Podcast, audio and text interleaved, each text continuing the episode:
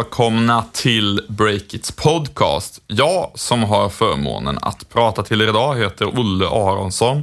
Jag driver Breakit tillsammans med bland andra Stefan Lundell. Hur står det till? Jo, det är bara bra. Bara bra faktiskt. Härligt att höra. Du, den här veckan kan vi avslöja Klarnas hemliga avtal med hypade Stripe. Vi eh, diskuterar om Facebook verkligen blåser svenska annonsörer. Hur står det till med det? Och så uppmärksammar vi att fake news nu är på väg att bli ett problem också i näringslivet. Men först kör vi fem snabba nyheter från veckan som har gått. Jag börjar med att rapportera att Uber fortfarande inte har gett upp planerna på att rekrytera Meg Whitman som ny VD. Eh, enligt Wall Street Journal så hoppas styrelseledamöterna i Uber på att de ska kunna övertala henne. Eh, I förra veckan så sa hon, eh, Meg Whitman, hon är då eh, VD för Hewlett Packard, det stora datorbolaget ska vi säga. Hon sa nej förra veckan att hon vill inte bli chef för Uber, men ja, de ger sig inte. Nej. Här på hemmaplan så noterar vi att bloggprofilen Magdalena Graf gör en Blondinbella. Eh, hennes eh, bloggkollega Blondinbella, Elisabeth Löwengrip. Eh, det vill säga, när vi säger så, så menar vi, syftar vi på att eh, Blondinbella har varit en ganska flitig investerare i techbolag och samtidigt då använt sin plattform för att marknadsföra sina investeringsobjekt. Och nu gör Magdalena Graf då detsamma. Tidigare i veckan kunde vi nämligen rapportera här på breaket att Magdalena Graf går in som delägare i Value, Value Card. Value Card är en presentkortstjänst där man både kan köpa och använda korten direkt i en mobilapp eller via desktop. Mm, en trend är där just nu att influencers gör så. Eh, Zlatans spel kom i veckan också. Um, om vi ska uh, fortsätta på fem snabba helt enkelt, så klädjätten H&M fortsätter att investera i startups. Senaste tillskottet är Pinmeto. Uh, det är en skånsk uh, startup som H&M har investerat i och Pinmeto har utvecklat en mjukvara som ska hjälpa stora butikskedjor att förbättra eh, den digitala närvaron för fysiska butiker, eh, kan man säga. Informationen man kan hitta om fysiska butiker online helt enkelt. H&M har ju tidigare investerat i eh, Wrap, rabattappen och eh, Ivy Revel som är en modestartup som drivs av Kinsa bland annat. Sen kunde vi tidigare i veckan avslöja att Martin Tivéus eh, blir eh, Klarnas nya nordiska chef. Martin Tivéus är ju en tungviktare i svenskt näringsliv och tidigare bland annat VD för nätmäklaren Avanza. Just det, och där kunde vi avslöja tidigare i veckan. Han, lite intressant där, han har ju uppdrag bland annat för Danske Bank vet jag, Martin Tivéus. Kanske får lämna dem nu när han börjar jobba för en konkurrent. Eh, slutligen så ska vi också konstatera att Spotify-aktien nu handlas på all time high i den inofficiella, eh, men allt mer officiella känns det som, handeln. 3400 dollar kostar nu en Spotify-aktie och eh, det sätter ett värde på hela Spotify på nästan 120 miljarder kronor. Ja, och det får vi uppdatera nu. Vi fick ju precis innan vi började spela in den här podden nya uppgifter kring, eh, kring värdet på Spotify-aktien. Den har nu gått över 3500 dollar, så den bara fortsätter upp hela tiden. Det, det, det är realtid där. Vi får ha en, en livesändning på Facebook eller något där vi, där vi bara pratar om det här. För det, man hinner liksom inte släppa podden innan det har förändrats. Nej, Spotifys aktiekurs är glödhet just nu.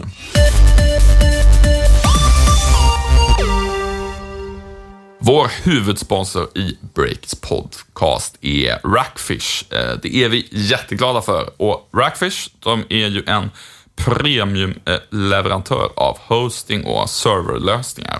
Ja, och de är också ett entreprenörsdrivet bolag där grundarna har över 20 års erfarenhet av internetteknologi faktiskt. Ja, och eh, de eh, kapitaliserar på en trend som jag tycker är väldigt intressant i samhället just nu. Det blir ju allt fler saker som kopplas upp och inte bara nyhetssajter och sånt som Breakit, utan eh, ännu mer. Även om Breakit eh, det är viktigt att den sajten finns uppe och fungerar bra, så, så är det ju kanske ännu viktigare att kritiska samhällsfunktioner som vård till exempel, eller eh, fordon som inte ska krocka med varandra och så.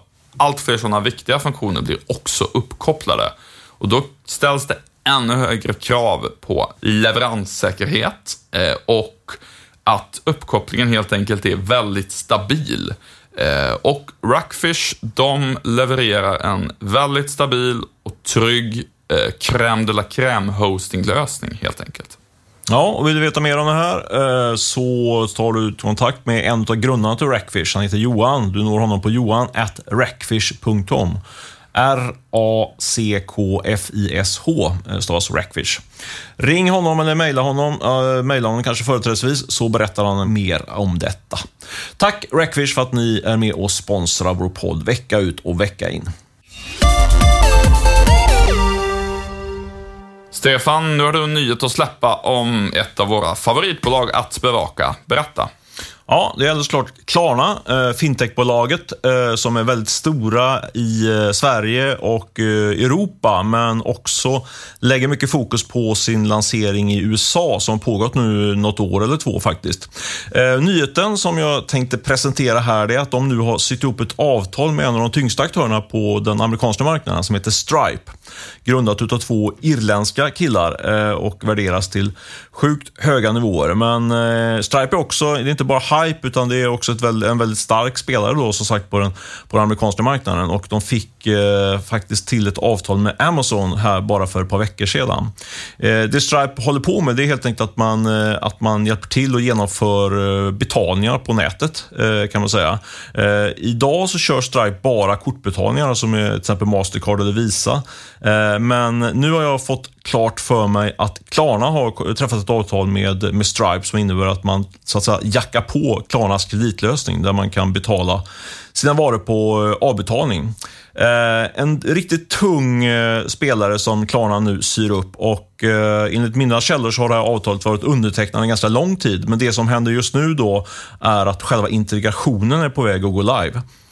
Eh, väldigt intressant förstås får man säga. Eh, och vi ska säga här att anledningen till att de kör så mycket kortbetalningar på Stripe, det är ju att det är helt enkelt mycket vanligare att man handlar med kort, just kort i USA.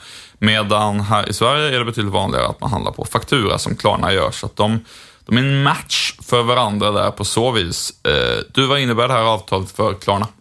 Ja, Eh, förenklat kan man säga att det är liksom en väldigt viktig pusselbit som faller på plats nu i, i Klarnas eh, fortfarande ändå eh, osäkra USA-lansering. Alltså det, det är en jättemarknad som man ger sig in på där och då krävs det att man, att man drog hem ett antal sådana här viktiga avtal som då avtalet med Stripe är. och tittar man då på hur stora Stripe är så är det ju det är inget, det är inget publikt bolag så det finns ingen officiell statistik på det där. Men det snackas om att att de förra året eh, körde ungefär betalningar på ungefär 20 miljarder dollar genom Stripes system. Och nu har de fått med sig Amazon och en stark tillväxt. Så man kan ju tänka då, du sa ju precis det, tidigare nu här då att eh, det framförallt är kortbetalningar som gäller på, på, i amerikansk e-handel. Men eh, i Europa är det ju helt annorlunda och där är det väl kanske en, eh, utav, de här, utav den totala volymen så är det väl några procent som går via eh, lösningar som Klarna erbjuder. Och Man kan ju leka med tanken då att, eh, att Klarna skulle få någon eller ett par procent av de här 20-30 miljarder dollarna som rullar igenom Stripes system så är det ju en, en riktigt eh, stor intäktskälla redan från start. Men sen är det också så att e-handeln växer ju kraftigt och eh, Stripe är ju en viktig spelare på den amerikanska marknaden så man kan, eh, Klarna kan lite grann surfa på, på Stripes tillväxtresa i, eh, i USA. Så det är ja, en viktig viktigt avtal för, för Klarna, eh, helt enkelt. Ja, det blir väldigt spännande att se där hur det faktiskt kommer att och, och se ut i, i, lösningen? Kommer, de, kommer, de, kommer den ligga långt ner undangömd, Klarnas lösning, eller kommer den ligga högt upp? Eller? Mm. Ja, men det är en intressant spaning, för det är ju det som är... Som sagt, de, de, vad jag förstår, inte mina källor, så tecknade de det här avtalet för, för ett antal månader sedan. Men sen, sen är det då att man ska göra den här, den här integrationen som är viktig. Men också, precis som du, du är inne på, Ola, att eh, det gäller att man, att man så att säga, frontas den här lösningen eh, mot kunderna. Eh, och det, det, tror jag att det kommer bli så, så tror jag faktiskt kommer bli fallet i det här i, i, i Klarna Stripe-caset. Just på grund av att eh, Klarna och, eh, och Stripe har faktiskt samma ägare, samma storägare. Sequoia, det amerikanska riskkapitalbolaget, är storägare både i Klarna och i eh, Stripe. Så jag tror att de kan nog eh, trycka på rätt knappar så att eh, Sebastian Siemiatkowski och de andra hamnar högt upp i, i, i strukturen där på Stripe. Då. Ja, det är intressant och initierad spaning och kul avslöjande får, får man verkligen säga. Stripe har ju också en, en svensk lansering. Jag blev faktiskt lite nyfiken på hur det går med den. Jag har inte följt upp det så noga. Det var ju eh, startup-hubben eh, Suffer Six tidigare, eller en av grundarna till den, Sebastian Fuchs, började jobba för Stripe. Men eh, sen dess har jag inte hört hur det går, men det marknadsfördes ju då som att de skulle gå ut och konkurrera hårt med Klarna i Sverige. Kanske inte blir så nu längre, det får vi kolla upp. Ja, det skulle vi verkligen göra. Bra tips där. Vi, att vi kreerar lite nyhetsjaktsarbete här live i podden. Eh, apropå nyheter, kanske dålig radioövergång här då, men vi ska prata lite om fake news. Eh, det har blivit ett väldigt eh, stort begrepp de senaste månaderna. Eh, och det har sågats som begrepp av mig också i en krönika på Breakit. Är det så? Ja, just det, det är det. Det är sant. Det vara bra läsvärd. Men hur som, eh, det är ett begrepp som lever vidare och eh, hittills är det kanske mest då politiker och immigranter eller invandrare som har drabbats av den här typen av eh, fejkade nyheter helt enkelt. Men eh, vi spanar nu att eh, det faktiskt är så att även företagsvärlden dras in i det här träsket. I veckan spreds ju på Facebook nyheten att flygbolaget Norwegian skänkte bort flygbiljetter, vilket var helt falskt. och sen så läste jag en artikel i Financial Times som refererade till en fakta faktagranskartjänst som heter Snoops. De har en väldigt intressant eh, lista. De listar de 50 hetaste fake news-storiesarna världen runt och där kunde man konstatera att hela 12 av de här 50 eh, trendande så att säga, fake news-storiesarna, det var nyheter som rörde företag. Eh, vad tror du man kan dra för slutsatser här, Olle? Att företag drabbas allt mer? Du som har till och med sågat hela begreppet fake news. Du är lite expert på det här kan man säga kanske. Uh, ja, till att börja med så när jag såg begreppet så det är väl egentligen bara det jag menar med det är att det är ju inte nyheter utan det är i, i, i, i förr kallar man det här för lögner helt enkelt. Mm, sant. och, och det, kalla en, spa, det kalla en spade för en spade. Alltså att, att, kalla, det är lite som att kalla en motorcykel för en fejkbil. Det är ju inte så, utan det, det är en motorcykel. Och det, i alla fall, det handlar ju om lögner, det är det folk sprider. Eh, och då kallar man en spade för en spade lite mer. Men eh, till kärnämnet då, så Eh, Eh, jag tycker det här är jätteintressant och det beror på att jag är ganska övertygad om att det som kan få Facebook att på riktigt ta tag i eh, så kallade fake news, det är om det slår mot intäkterna. Och för att det ska slå mot intäkterna så måste ju företag drabbas på, på ett annat sätt än vad det har varit eh, hittills kan man säga. Ja, för Facebook flaggade redan i, i, eh, i höstas då, att de skulle försöka stoppa den här typen av fake news, eller hur? Ja, det var ju då den stora debatten var och då handlade det ju om att enligt en del bedömare så kan det ha varit så att valutgången i USA, där ju Donald Trump ganska överraskande vann, kan ha berott eh, delvis på att eh, Facebook spred så mycket Hillary Clinton-kritiska eh, fejknyheter, fake-nyheter helt enkelt. Det är ju jätteallvarligt. Eh, och då centrerades liksom debatten kring det. Vad som inte fick lika mycket uppmärksamhet var, men som fick ganska mycket uppmärksamhet ändå, eh, vi skrev om det också, det var en väldigt ambitiös genomgång av brittiska The Guardians medieredaktion, där de undersökte några månader efter hur har det gått med de här olika åtgärderna? Man skulle kunna flagga fejknyheter och så vidare, som Facebook genomförde efter den stora debatten. Och svaret då, och det är det senaste svaret jag har sett på den frågan, det är att det, det har inte hjälpt alls. Det pratar vi ju om i podden också. I vissa fall har det till och med fått motsatt effekt. För att folk såg att nu försöker någon ta ner det här som fake news. Då, då är det ännu fler nättroll som, som delar för att de alltså enligt devisen, de vill ta ner det här, de vill tysta oss. Då, då, då skriker vi ännu högre ungefär. Eh, så att man kan säga att de har inte stoppat fake, fake nyheter eh, alls, men nu har ju det där gått över lite mer till att man bara kritiserar Donald Trump som person snarare än, än Facebook. Eh, men problemet är inte åtgärdat egentligen, kan man säga lite förenklat. Så om man nu ska fortsätta på den här lite mer förenklade slutsatsen så kan man säga att de, de släpper igenom fake news så länge det så att säga inte påverkar eh, några företag eller annonsörer då i slutändan? Ja, det, det är min absoluta bedömning att eh, de, de tycker helt enkelt inte att det är värt att prioritera det på den nivå som skulle behövas för att på riktigt åtgärda problemet. Men det är klart att om det slår hårt mot deras kärnaffär, då kommer ju Facebook göra någonting åt det. Eh, vi kan ju ta ett exempel på något som skulle kunna hända. Eh, säg en jättestor annonsör, typ Procter Gamble som, ja, de säljer ju alla möjliga typer av livsmedelsprodukter och är säkert en av världens största annonsköpare. Eh, om det skulle börja spridas en fake, eller en lögn, som jag vill kalla det för, på Facebook om att Procter Gamble, de har tillsatt något ämne i sina frukostflingor som kan leda till att små barn stannar i växten Eh, Eh, och sen så sprids det där överallt och så leder det till att försäljningen av de där flingorna en viss vecka i typ hela Sverige rasar ihop för att folk, eh, även om man inte tror på det på automatik, så tar man lite grann som förälder kanske det säkra för det osäkra och så köper man inte de där flingorna. Eh, och man kan se direkt att försäljningen rasar på grund av det.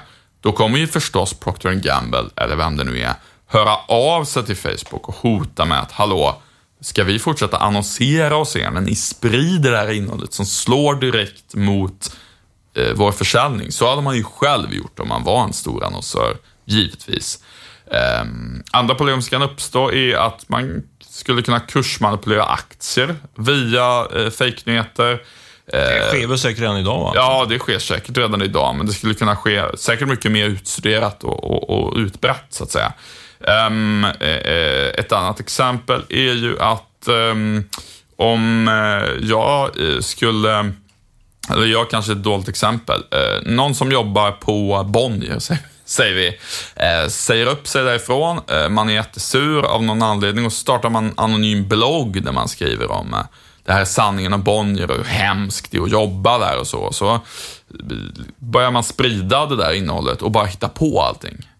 Um, och Eh, det är klart att det där kommer folk att läsa och så är det vissa som kanske inte vill jobba där på grund av det. Bolaget får dåligt rykte. Eh, allt det där är ju sånt som, det finns ju egentligen liksom inga, inga hinder från, från att göra det idag. Och det Facebook hävdar i grunden, det är väl att folk, nej men, folk klarar själva av att göra en, en bedömning. Och det har ju liksom historien visat med Trump och allt sånt där. Det, det klarar ju folk inte alls av. Eh, utan väldigt många bara delar vidare någonting utan att klicka på det, utan att tänka på, kan det här verkligen stämma och sådär. Så att, så länge det överensstämmer med ens världsbild kan man väl säga lite förenklat. Så att, eh, det, det, det, jag tror bara vi har sett början av problemen för näringslivet med, med lögner på Facebook. Vad tror du? Ja, och samtidigt kan vi då, om, om jag, om jag liksom så här, drar ut eh, konsekvensen av din analys, kanske man kan se att det är kanske början på något större, men också slutet på, på det här på sikt. Då, för att då, eh, money talks på något sätt, att när, när företagsvärlden drabbas så, så går de på Facebook, som sen kanske tar i med, på riktigt med hårda ansträngningar kring det här och då kanske vi får en, en minskning utav de här falska nyheterna, eller lögnnyheterna. Vi får se. Eh, spännande spaning där, Olle.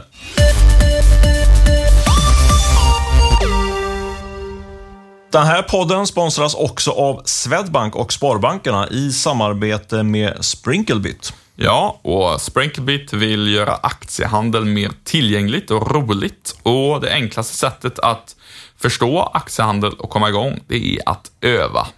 Eh, och det är riskfritt att handla med aktier i Sprinklebit, då du använder fiktiva pengar som kallas för Sprinklebucks istället för riktiga pengar. Alla får 5000 Sprinklebucks att handla för i appen och du har ett helt community som hjälps åt för att hitta rätt i den frågan. Och om det inte skulle räcka så finns det också analysverktyg som eh, använder crowdsourcing för att kunna ta fram de rätta och hetaste investeringsbesluten. Mm, så man får mycket guidning. Eh, det är helt gratis att eh, gå med och vem som helst kan signa upp sig. Ladda ner Sprinklebit-appen om du vill testa. Och därmed så tackar vi Swedbank och Sparbankerna i samarbete med Sprinklebit som sponsrar podden. För vår sista del i podden har vi denna vecka bjudit in Breakits reporter Erik Wisterberg. Välkommen! Tack så mycket. Det är härligt att vara tillbaka här efter en lång sommar. Mm. Sommaren har varit eh, lång, längre för vissa andra kanske. Jag hade två veckors semester, du hade lite längre, eh, men skönt att ha dig tillbaka. Eh, du, eh, eh, du skriver ju mycket om mediebolag och så, och nu har du hittat en nyhet som jag tyckte var otroligt intressant som medienörd. Man skulle kunna kalla det för Facebook trollar fram svenskar som inte finns. Vad är det du har hittat för någonting? Ja, men det här började med ett tips där jag fick höra att eh, om man jämför hur många personer som är till exempel 15 till 24 år som finns i Sverige med hur många personer i samma åldersgrupp som Facebook lovar att annonsörer kan nå, så var det en, en, en väldigt stor skillnad där. Alltså det finns eh, knappt 1,2 miljoner svenskar i den åldern. Men om man ska köpa annonser på Facebook, då utlovar de en potentiell räckvidd i den här målgruppen på 1,5 miljoner. Så där, där trollar man ju fram eh, över 300 000 svenska ungdomar som, vad vi vet, inte finns här i Sverige. Just det. Du, det låter ju väldigt märkligt. Finns det några um, naturliga förklaringar till vad det här kan bero på? Den naturliga förklaringen är väl att Facebooks siffror liksom sammantaget är alltid automatgenererade. Och det har ju visat sig, jag läste en bra sammanställning, att det finns inte mindre än tio fall sedan hösten 2016 när de här mätfelen började uppdagas, där Facebook har gått snett i sina egna siffror. Så det är nog den mest naturliga förklaringen. Att det Så, inte finns en människa alltid, menar du, som, som kollar allting, utan det automatiseras på något sätt? Ja men precis, och om man har gjort fel där då, då blir det ju fel rakt igenom. Men sen Facebook själva, de, de pekar ju på att de tittar inte på hur många som liksom finns i Sverige enligt folkbokföringen, utan de tittar på eh, vad som, var användarnas devices finns och sådär. Så de, man skulle ju kunna säga att de hävdar att de har bättre koll än vad Statistiska centralbyrån har på hur många som faktiskt finns i Sverige. Där förefaller det väldigt orimligt att det skulle finnas 330 000 svenska, eller ungdomar i Sverige som, som ingen annan har sett. Just det, som bara Facebook och Mark Zuckerberg har hittat. Ja, precis. För man skulle ju kunna tänka sig, kommer ju folk hit och studerar eller jobbar tillfälligt, så att en viss fluktuation finns det väl, men, men inte så stor. Jag ska säga det också att det förekommer ju ibland mediebolag så att, eh, att man har fler såna här unika besökare på webben än vad det finns faktiska människor och så. Och det beror ju på att folk läser via olika webbläsare och sådär. Eh, det är inte relevant i det här fallet för att Facebook säger ju att man når så många människor eh, medan typ Aftonbladet erkänner ju att de har väl fler unika besökare än vad det finns människor i hela Sverige så att säga. Ja men precis, och där har ju varit eh, digitala mediernas akilleshäl och Facebooks liksom, framgångsrecept. Att de har ju kommit så himla nära riktiga människor eftersom det är inte så många som har två Facebook-konton och man har sagt hur gammal man är, man vill gärna få grattis på sin riktiga födelsedag mm. och så vidare. Så det har ju gjort att Facebook har kunnat roffa åt sig en stor del av annonskakan och det är där de här avslöjanden, inte bara här utan allihopa tillsammans, blir så viktiga. För att om du köper reklam på Facebook så är ditt enda facit kring hur den har presterat i termer av hur många du har nått, är den här rapporten du får från Facebook. Mm. Så att om man börjar se att många av siffrorna är fel, då börjar man ju tänka, okej okay, men får annonsörerna det de faktiskt betalar för? Just det, eh, och det här är ju viktigt för alla som handlar annonser på Facebook, men kanske särskilt för små uppstartsbolag och så som inte sällan kör typ bara eh, Facebook-reklam och i väldigt liten skala och varje, varje krona är värt väldigt mycket för dem och så.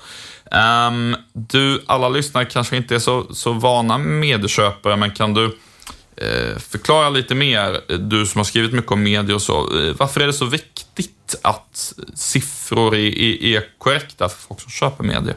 Ja, men om man säger så här, om jag går in till Konsum och så köper jag en påse där det står att det ska finnas 20 äpplen i. Om jag då kommer hem och eh, då kan jag ju titta, okej okay, fanns det 20 eller var det bara 15? Men när du köper målgruppen, säger att jag vill nå faktiskt 30% av alla svenskar som är 15 till 24 år gamla och det betalar jag flera miljoner för. Mm.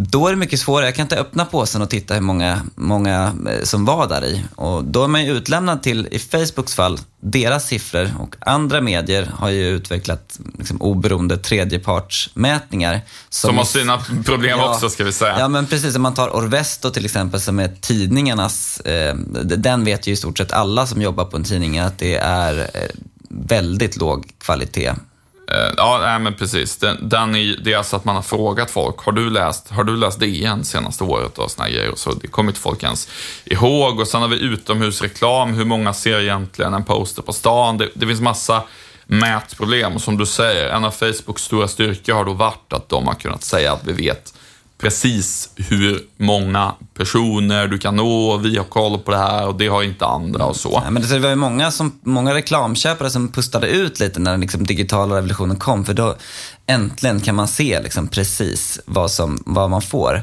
Men min uppmaning där det skulle ju vara att så långt som möjligt kontrollera själv.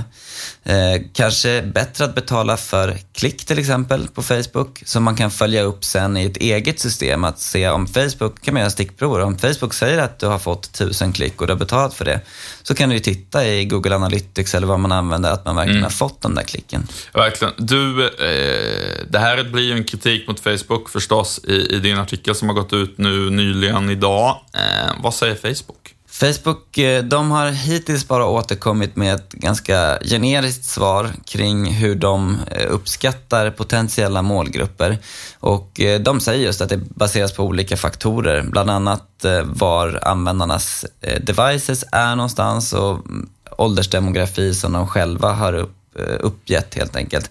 Och jag frågade ju en motfråga då, liksom, men tror ni själva att det finns 1,5 miljoner personer i Sverige just nu i mm. den här målgruppen 15 till 24. Så vi får väl se vad de svarar på det. Jaha, det är en liten cliffhanger här, eh, journalistik in the making. Eh, men oavsett, man kan säga så här, att oavsett vad de svarar på det så eh, är det ju intressant ändå. För när man köper idag så står det ju inte en och en halv miljon med reservation för det här, utan man, man vet ju inte vad den baseras på. Och det tycker jag man förtjänar att få veta om man ger dem massa pengar. Um, du, um, inte det troliga liksom att folk ändå kommer köpa Facebook-annonser för att de når ut till så många? Eller vad tror du, vad blir egentligen konsekvensen vid Facebook? Det kan, det kan ju bli ibland att folk ropar till lite av ilska och sen handlar de bara Facebook-reklam ändå, precis som man har gjort innan. Vad, vad tror du? Jo, men eh, jag tror absolut att det, folk kommer fortsätta köpa Facebook-annonser för att de fungerar. Ehm, sen är ju frågan om liksom, man vill ändå vara säker på att man kan inte betala för mycket. Mm. Så att eh, det, det pågår ju en större diskussion efter alla de här mätfelen som kanske kommer innebära att Facebook öppnar upp för mediebyråer eller andra att faktiskt mäta inuti Facebooks system och sådana tendenser har man ju sett. Så att kanske det kan leda till en ökad transparens. Um... Just det, eh, tredjepartsmätning och sådär. Vi ska säga att um en intressant aspekt av det här då, det är ju att eh, på Facebook eh, idag så är det ju så att eh, jag kan ju välja att sponsra ett inlägg som jag gör som är journalistik för att nå ut till fler. Och då är inte det en annons bara för det. Och sen kan du välja att lägga upp någonting som är 100% kommersiellt och så sponsrar du det för att nå ut till fler. Och då är det ju ofta en annons då. Eh, men eftersom det inte finns någon tredjepartsmätning så kan det ju vara ganska svårt rent tekniskt att skilja det ena från det andra. Men eh, på vanliga annonser, typ banners på sajter, då har man ju stoppat in sina externa mättaggar från till exempel DoubleClick som Google äger eller från Adform som är en jättestor eh, startup i, eller techbolag i eh, Litauen. Och det är de som Adblockers letar efter. Så att ju mer man skulle då eventuellt tvinga Facebook att stoppa in någon typ av tredjepartsmätning, eh, ju enklare skulle det bli för folk att eh, det är ju lite knivigt att göra det i Facebook-appen, men folk är uppfinningsrika och de har ett API och sådär. Eh, det öppnar grovt förenklat för att man skulle kunna adblocka in i Facebook också. För att om du tar bort de här mättaggarna då från även en banner, så, så kan inte adblockern, alltså då kan adblockern tro att det är en redaktionell bild istället så att säga. Mm. Ja. ja. men det var, en, det var en spännande spaning. Om, om jag skulle vara Mark Zuckerberg och eh, välja mellan lite kritik för bristande transparens eller en potentiellt adblockerproblem inne på Facebook, då mm. hade jag nog valt att fortsätta få lite skit för bristande transparens. Verkligen. Och sen har de ju den stora fördelen av att de har liksom sin egen webbläsare, sin egen app och liksom har publiken där. Medan vi andra, är bero, vi andra kan ju inte välja, eller vi som bara har en webbsajt kan ju inte välja vilken eh, mjukvara folk läser oss med. De väljer de webbläsare som de kan modifiera som de vill och så, stoppa in adblockers i det. Så att det är ju svårare, men, eh, och jag kan liksom inte rent tekniskt hur det skulle gå till hela vägen. Det jag vet är att eh, det adblockers letar efter, det är, det är annonsmättaggar. Det, för annars så är det ju egentligen jag kan ju lägga ut en, en, en bild som är en annons på Facebook. Men det, rent tekniskt, hur ska koden hittas? Om den var annons eller redaktionell, det, då får man ha någon väldigt avancerad image recognition eller något som ligger och tuggar på allt man ser. Det känns lite avlägset så. Ja, det blir AI då? Ja, jag, jag, vet inte hur det, hur det skulle gå till, men det är en intressant aspekt. Eh, du, eh, något annat som du tycker är relevant att nämna kring det här då? Nej, men det, det som eh, vi publicerar nu, det är ju också att nu kritiserar ju till exempel TV4 och också Sveriges annonsörer eh, Facebook hårt. Och eh, det är lite pikant i sammanhanget att Facebook i Sverige gick ju till generalangrepp mot den svenska TV-branschen mm. för deras mätningar. Och det är det, det, det, som är intressant på en högre nivå, att här pågår det ju en dragkamp där Facebook nu på senare tid ger sig efter den stora TV-reklamkakan där liksom mm. 6 miljarder i Sverige bara finns. Så att eh, vi får nog se. Och, och den ska vi säga, den är ju inte lika klickdriven. De vanliga Facebook-annonserna driver ju väldigt mycket klick och då kan man liksom hävda, ja men det, det blev ju ett klick liksom. Det, det, är svårt att argumentera emot det. Om det faktiskt kommer in trafik till sajten eller någon signar upp sig så. TV-kakan är mycket jobbigare mätmässigt eh, för att den handlar mer om att skapa kännedom om någonting. Oavsett om du kollar på TV4 eller på Facebook så det var med att du, du såg en video och sen har du det top of mind och så googlar du rätt på det senare eller vad det nu kan vara. Och då är ju mätningen, var det någon som såg det? Och det, det är ju nästan en filosofisk fråga. Du scrollade förbi det, hur länge ska det vara inscreen för att du ska ha sett det? Ja, jättestor debatt eh, inom media, det här som kallas för viewability. Och eh, det innebär ju kortfattat att den här debatten kommer vara mycket jobbigare för Facebook med just videoannonsering, för då kan man inte i lika hög grad bara hävda, men folk klickade ju, då måste de ha sett det. Och, äh, och dessutom är den reklamkakan väldigt, väldigt stor. Äh, det blir nog en, ehm, en lång shouting-match eh, kommande 12 månaderna här mellan fyran och Discovery och de andra på ena sidan och å andra sidan Mark Zuckerberg och hans vänner. Det kommer det bli. Mm. Du, tack så jättemycket för att du var med i podden igen. Tack så mycket. Yes, vi ska runda av här. Vi ska tacka vår huvudsponsor Rackfish och Beppo ljudproduktion som klippte och spelade in. Kom ihåg också att boka biljetter till våra event. Eh, vi kör dem än så länge bara i Stockholm, men ni kan ju resa hit om ni inte bor här. Eh, det är dags innan biljetterna tar slut att till exempel boka till vårt nästa event som är den 20 september. Det är Insurtech Stockholm, det handlar om digitaliseringen av försäkringsbranschen. Jättetunga namn. Eh, Matilda Ström eh, åker över från London till exempel. Hon är affärsutvecklingschef på Bima, som är ett jättestort techbolag som Kinnevik har investerat i, som gör mobila försäkringar i Västafrika bland annat. Vi har Folksams VD Jens Henriksson är med, eh, en rad intressanta insurtech Eh, försäkringsstartups. Så se till att boka biljett nu, annars kanske du blir utan en plats. Eh, surfa in på break.se så står det mer om det. Annars så får ni ha det gott så hörs vi eh, nästa vecka. Hej då!